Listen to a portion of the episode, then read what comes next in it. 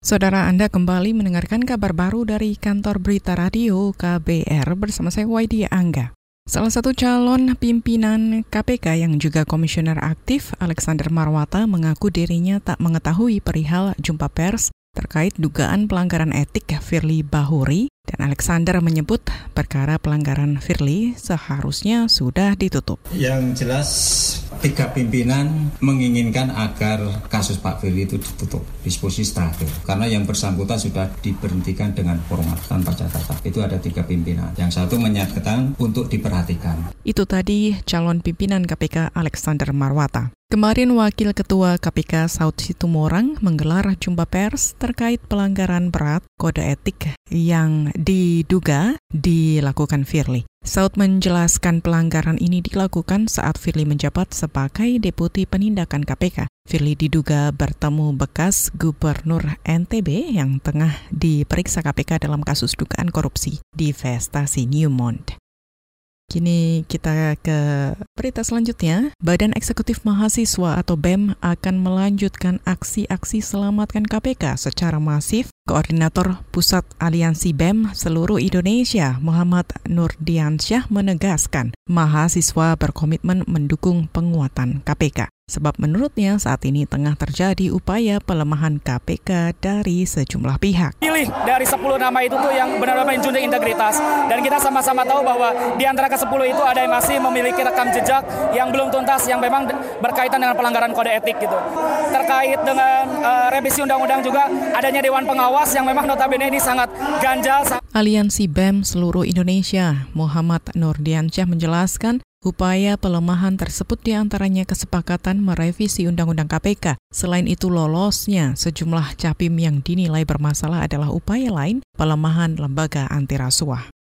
Kita ke berita lainnya. Kemenpora mengatakan PBSI, KPAI, dan pengurus PB Jarum sepakat mengubah nama audisi umum beasiswa PP Jarum 2019 menjadi audisi umum beasiswa bulu tangkis tanpa menggunakan logo, merek, dan brand image Jarum. Kepala Biro Perencanaan dan Organisasi Kementerian Pemuda dan Olahraga atau Kemenpora Esa Sukmajaya menyatakan KPAI juga sepakat mencabut surat tentang permintaan pemberhentian audisi Jarum termasuk konsolidasi internal guna melanjutkan audisi umum bulu tangkis 2020. Kalau dari kami, kalau itu memang ada kesediaan dari pihak Jarum, kita sangat mengapresiasi karena itu salah satu solusi juga. Prinsipnya sih kalau kalau saya tangkap dari orang KPAI, itu audisi dalam tanda petik silakan berjalan terus, cuma logo logonya itu yang mohon di, diperhatikan, tidak pasang logo Jarum jarum gede-gedean itu kan kesannya seperti promosi jarum gitu ya. Kepala Biro Perencanaan Kemenpora Esa Sukmajaya mendorong dibentuknya audisi atlet muda yang lebih banyak dan kompetitif. Kata dia audisi bisa dilakukan bukan hanya mengandalkan APBN, tetapi juga APBD. Hari ini Kemenpora melakukan pertemuan bersama KPAI dan PP Jarum. Pertemuan itu digelar untuk menengahi polemik audisi yang diduga dimanfaatkan untuk eksploitasi anak.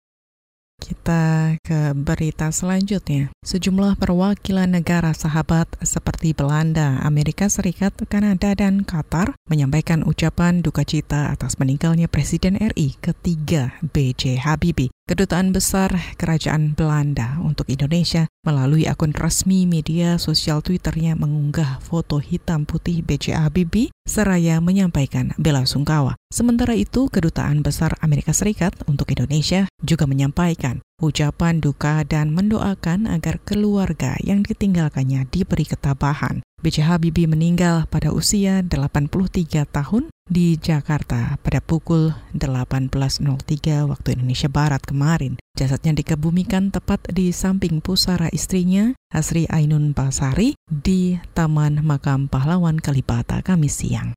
Saudara demikian kabar baru dari KBR, saya Waidia Angga.